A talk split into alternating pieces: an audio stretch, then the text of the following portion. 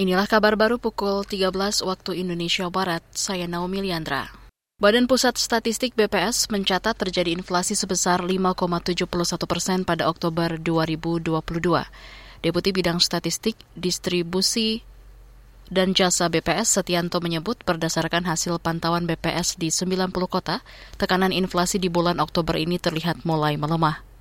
Ia menyebut ada sejumlah komoditas yang menjadi penyebab inflasi bulan Oktober. Kalau kita lihat penyumbang inflasi tertinggi secara year on, on year ini, beberapa komoditas seperti bensin, tarif angkutan dalam kota, beras, solar, termasuk tarif angkutan antar kota, tarif kendaraan online, dan bahan bakar rumah tangga ini merupakan komoditas penyumbang inflasi tertinggi secara year on year. Jika dilihat dari wilayahnya, BPS mencatat inflasi tertinggi terjadi di Tanjung Selor, Kalimantan Utara dengan tingkat inflasi 9,11 persen. Sementara inflasi terendah terjadi di kota Ternate Maluku Utara, yakni 3,32 persen. Sementara itu BPS mencatat tingkat inflasi year on year komponen inti Oktober 2022 sebesar 3,31 persen. Kita ke lantai bursa. Perdagangan saham di Bursa Efek Indonesia siang ini bergerak negatif. Pada jeda perdagangan siang, IHSG anjlok ke level terendah di posisi 7.044. Padahal pagi tadi IHSG sempat menembus posisi tertinggi di 7.128.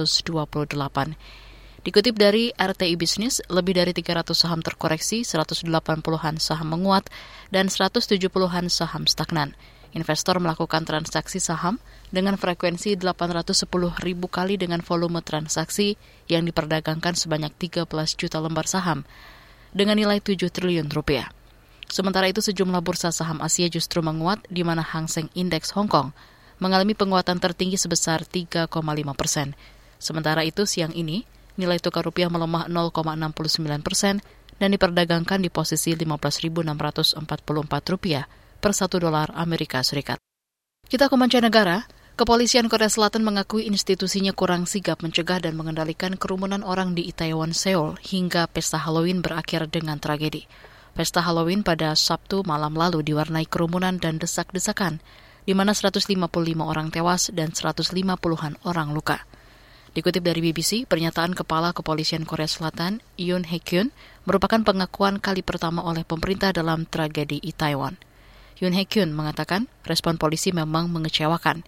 Menurutnya, polisi sudah menerima banyak laporan sebelum insiden terjadi, namun respon polisi kurang cepat. Sementara itu, publik di Korea Selatan terus menuntut pertanggungjawaban dari aparat keamanan atas insiden tersebut. Saudara, demikian kabar baru KBR. Saya Naomi Liandra.